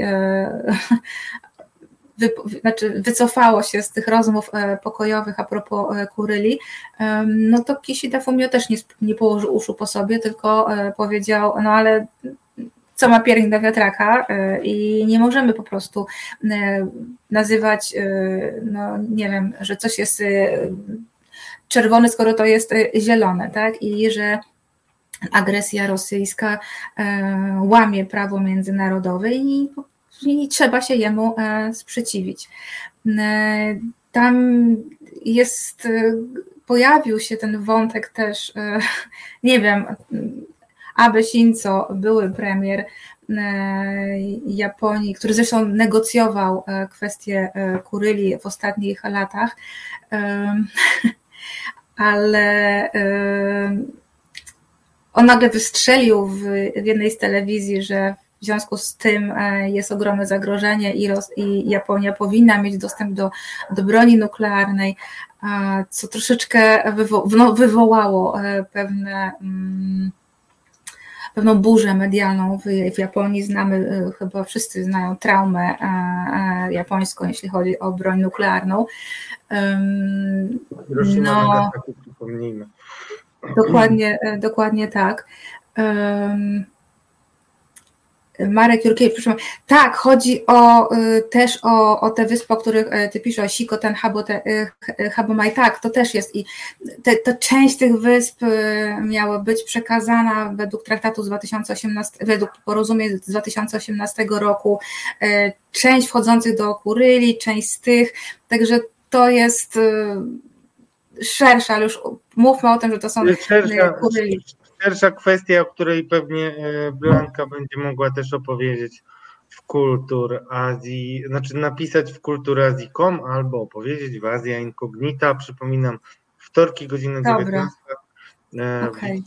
Drodzy Państwo, z Blanką, a wkrótce też e, więcej materiałów od e, naszej drogiej pani doktor orientalistki. Dziękuję Ci bardzo, że znalazłaś czas y, i wszystkim. Dzięki. Mam nadzieję, że bardzo Was proszę, żebyście też wszyscy podziękowali Lance, bo musiała specjalnie na, na moją prośbę e, się przygotowywać do dzisiejszego programu i y, widzę po komentarzach, że to doceniacie. Nasz Dziękuję bardzo. Blanka Katarzyna Dżugaj. Teraz y, się żegnamy, a już po piosence wracamy jeszcze z Krzysztofem Boczkiem, Oko Press i Press i jeszcze człowiek po prostu instytucja. E, opowie Wam o tym, co widział na granicy polsko-ukraińskiej i z jakimi emocjami wrócił do domu. Znudzeni mainstreamowymi newsami? Czas na reset obywatelski. Zaangażowane dziennikarstwo. Wróciliśmy, drodzy Państwo, Radosław Gruca, Katarzis i Reset Obywatelski.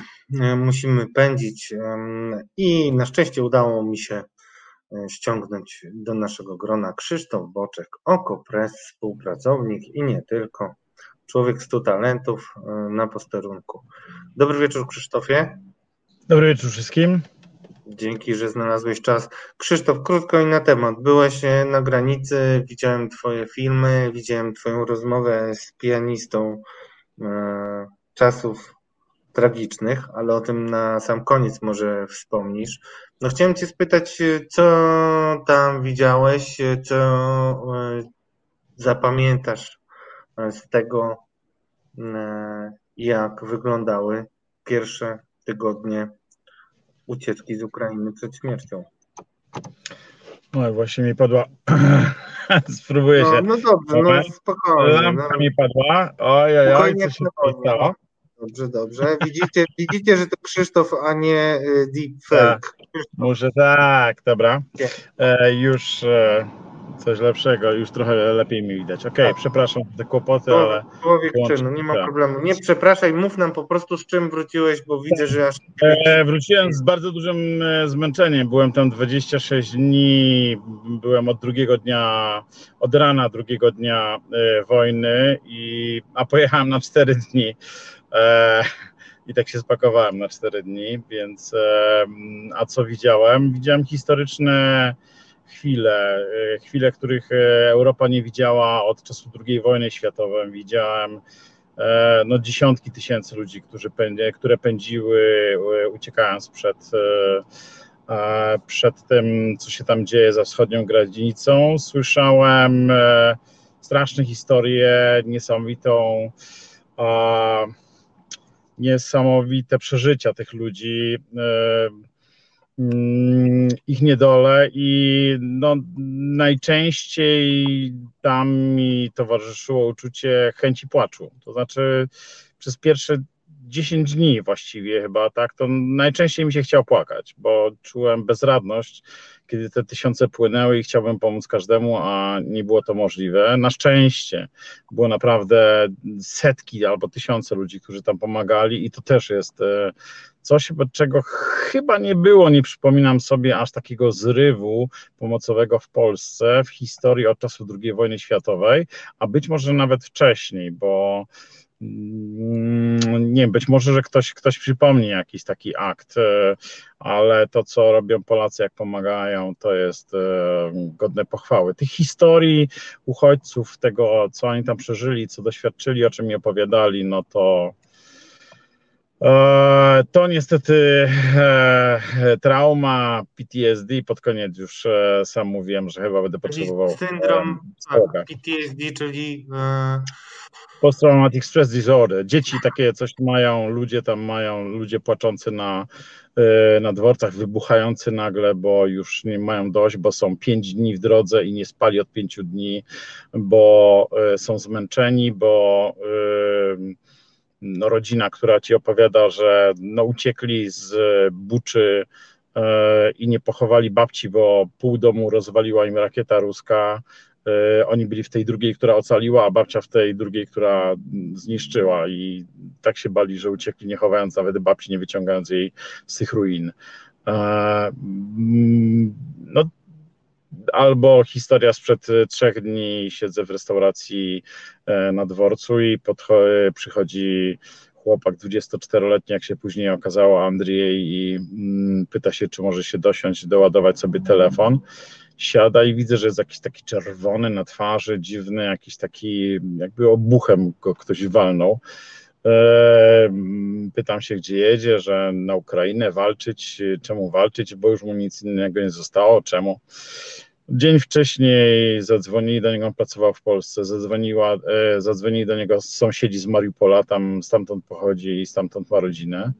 Bomba zabiła mu całą rodzinę. Mamę, tatę, dwóch braci, czworo, jego, e, czworo dzieci jego braci. Nie wiem, co się stało z, z, e, z żonami tych braci, um, bo tego nie powiedział ani mi, ani później psychologowi, którego mu tam załatwiłem, ale i takich historii jest na pęczki o kobiecie, no to powiedz, która... Bo ja nie ukrywam, że, że, że chciałem cię spytać o niego, bo to, to nie chyba nie postawiłeś kropki no. w tej opowieści. On jedzie na Ukrainę, bo mu nic tak. nie zostało i on chce po prostu tam walczyć, tak? I tak. chce, nie wiem, ja właśnie się zastanawiałem, chciałem, nie wiem, czy to jest kwestia zemsty, czy to jest kwestia takiego autentycznego, świeżego patriotyzmu, który w przeciągu ostatnich 15 10 lat na Ukrainie stał się czymś bardzo namacalnym, czymś, co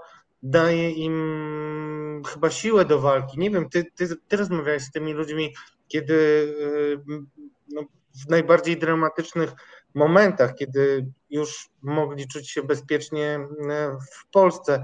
Jak ty myślisz, skąd się bierze ten hard ducha Ukraińców i, i jaki jest ich stan, nie wiem jak to powiedzieć, stan ducha narodu, no tak bym powiedział, taki wewnętrzny,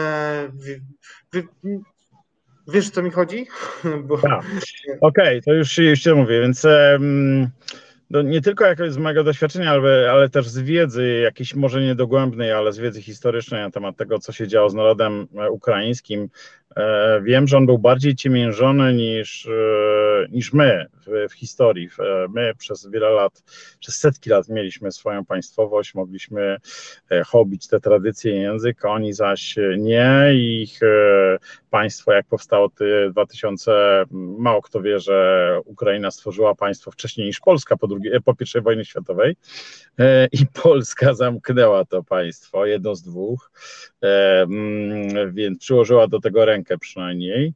E, no, mm, odzyskali tą swoją państwowość, e, no nie, chyba nie 30 lat temu, nie wiem dokładnie kiedy, czy tuż po upadku Związku Radzieckiego. Mhm. E, wydaje mi się, że już to jest ponad 30 lat. Mhm. To teraz sobie nie, nie chcą jej dać odebrać i nie wiem, wydaje mi się, że ta wojna e, w Doniecku e, jakoś im coś uświadomiła. E, ta wojna, która cały czas się tliła, która cały czas tam u nas o tym nie było, ale oni ciągle wiedzieli, ciągle tam ludzie ginęli. Jak się szło na cmentarz w Lwowie, to świeże groby tam rosły i zdjęcia tych żołnierzy były. A, mm, I oni chyba jakoś tak e, dorośli, dojrzeli do tego, że już stanowią ten naród i e, no, nie chcą tego stracić. Szczególnie e, z łap tego odwiecznego agresora, który nawet im nazwę państwa ukradł. Ruś Kijowska, przypomnę, że była i mieściła się w Kijowie, a teraz Ru, Ruś jest kojarzona z Rosją. I chyba tutaj jest jedna historyjka, która dość dobrze oddaje mm, hard ducha tego narodu, bo ja spotkałem bardzo wielu tych ludzi, którzy tam szli, wracali, chcieli walczyć i oni zazwyczaj nie chcieli gadać o tym. Większość z nich szła, oni mówili, idziemy bronić e, swoich e, rodzin, mniejszość mówiła, idziemy walczyć, bić e, w cudzysłowie ruskich, e, ale też byli tacy. Spotkałem na przykład dwa dni temu człowieka, który całą rodzinę przywiózł, trójkę dzieci gdzieś tam w Goleszowie chyba przy granicy czeskiej zostawił i od razu przespał się i od razu wracał, bo trzeba walczyć. Ale historia, która chyba najlepiej to obrazuje, to jest Byłem tam ze dwa dni, spędziłem z takim dziennikarzem włoskim, E, e, wojennym, który jeździł po świecie i 30, od ponad 30 lat e, kilkadziesiąt konfliktów opisywał i też go zapytałem o to, jak wrócił stamtąd, bo spędził też z dwa tygodnie w Kijowie, co tą wojnę najbardziej różniło od tych innych, Somalii, Afganistanie, Iraku, w Libii i tak dalej. I na, on mówi, że ci ludzie, ci Ukraińcy, oni naprawdę są w stanie zginąć w obronie swojej ziemi. Oni są zdeterminowani. Mówi, że, że takiego hartu ducha, takiego zawzięcia to on nie widział przez te 30 lat. Więc moja opinia tutaj się nie liczy w, Mhm. w zestawieniu z tym, co ten człowiek e, Giovanni, Giovanni, nie pamiętam jak się on nazywał na nazwisko, ten włoski dziennikarz e, dostrzegł, e, będąc mniej więcej dwa tygodnie spędził tam w, w Kijowie, może trochę więcej. Krzysztof, mam trudne pytanie do ciebie. Czy ty myślisz, że Ukraińcy naprawdę wierzą, że mogą tą, tę wojnę wygrać? Bo to, że są gotowi walczyć do śmierci, to wszyscy wiemy. Tylko pytanie, czy to jest taka straceńcza walka? Przypomina mi się takie, e, taka scena z filmu chyba Wajdy, Pierścionek z orłem w koronie, w którym stary mm, powstaniec, starszy, dojrzały facet już po wojnie rozmawia z młodymi chłopcami, którzy, którzy pytają go, rozmawiają coś o powstaniu e, i e, on im mówi, e, że ale przecież powstanie upadło, a oni mówią, jak to upadło, czy tam przegrało, a oni mówią, jak to upadło, przecież zrobiliśmy to, co mieliśmy zrobić, pokazaliśmy, że się nie poddamy i że będziemy walczyć do końca. To, to taka to nie są wierne cytaty, ale zastanawiam się, jaki właśnie, jak Cię pytałem o ten stan ducha narodu ukraińskiego, Ukraińców, Ukrainek, który robi wrażenie kolosalne na całym świecie, tak jak zresztą polska gościnność, ale to inna kwestia. E, czy to jest taki, taka gotowość na śmierć, czy to jest jednak wiara w to, że jednak, jeżeli do jakiegoś momentu uda się obronić e, Ukrainę, to przyjdzie pomoc? Nie wiem, co z tą pomocą, ale yy, jeśli Twoje pytanie brzmiało tak jak na początku, czyli czy oni naprawdę wierzą w to, że wygrają, to tak. To są. Yy, ze dwa dni temu też widziałem jakiś e, wynik sondażu. 93% Ukraińców wierzy, że, że wygra. Biorąc pod uwagę to, co robią Rosjanie, jaką potęgą dysponują i jak słabo im się udaje realizować cele albo nie udaje im się, i to, jak się skutecznie bronią Ukraińcy, no to ja od, no od co najmniej dwóch tygodni obstawiam, że mm, Ukraina może być dla Rosji drugim Afganistanem, tylko że mm, w przyspieszonym tempie. To znaczy tutaj postawa, te pomoc tej zagranicy, te sankcje olbrzymie, no, są tak duże, E, I ta pomoc także, trzeba przypomnieć, że w Afganistanie to e, tylko Amerykanie dostarczali tam te Stingery słynne i um, przeciwpancerne, już nie pamiętam jak się one tam nazywały, ale nie było z tych słynnych javelinów, ani nie dostarczali Brytyjczycy, Niemcy, Szwedzi, Finowie. No tutaj cały świat, nawet państwa, nawet państwa, które są E, które nie są w NATO, dostarczają pomoc e, e, i broń Ukrainie, nawet Unia Europejska, która, której to się zdarzyło w pierwszy raz w historii, też to robi, więc najwyraźniej świat też wierzy w to, że Ukraina to wygra, że ma szansę to wygrać. I powiem ci, że ta wiara ma też racjonalne podstawy, to znaczy e, oprócz tego, że widać, e, że na tym froncie Ros e, Rosjanom się mm, kiepsko wiedzie, mm, albo bardzo kiepsko, no to jeszcze jest drugie takie przeświadczenie. Jeśli się Rosja nie zatrzyma, nie, nie złamie zębów na Ukrainie, to e, ten niedźwiedź e, sięgnie łapami po Pribałtykę, Polskę i resztę postkomunistycznych państw. E, takie ja mam przeświadczenie i sądzę, że mm, nie tylko ja, skoro mamy tutaj 30, 30 tysięcy żołnierzy amerykańskich w Polsce? Chyba 30. Zaskoczyłeś mnie.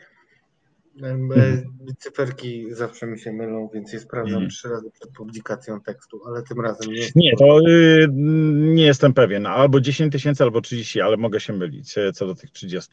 10 tysięcy to na pewno. No. Krzysztof, no chciałem Cię jeszcze spytać o, o pianistę na y, granicy, ale powiem tylko tyle, że polecam Twój tekst i cóż, y, bardzo się cieszę, że są tacy dziennikarze jak Ty i i wszystkim polecam nie tylko Twoje teksty, ale też śledzenie Krzysztofa w mediach społecznościowych. Krzysztof, człowiek, który pisze o tym, w co wierzy i wierzy w to, o czym pisze. Krzysztof Botek, współpracownik Okopres i nie tylko. Dziękuję Ci Krzysztofie. Dziękuję bardzo. Dobranoc wszystkim. Dobranoc. Drodzy Państwo, y, nie będę dzisiaj przedłużał. Y, bardzo dziękuję y, Filipowi oraz naszym gościniom i gościowi. No mnie strasznie poruszyła ta historia Andrija, dlatego poprosiłem Krzysztofa, żeby Wam ją sam opowiedział, bo to jednak jest coś innego. No i cóż, drodzy Państwo, widzimy się jutro w Bez Wyjścia, a ja dziękuję jeszcze raz Aleksandrze Łyżwińskiej, naszej sponsorce dzisiejszej i zapraszam Was na kolejne nasze audycje, już zaraz miejsca nienumerowane. Reset Obywatelski.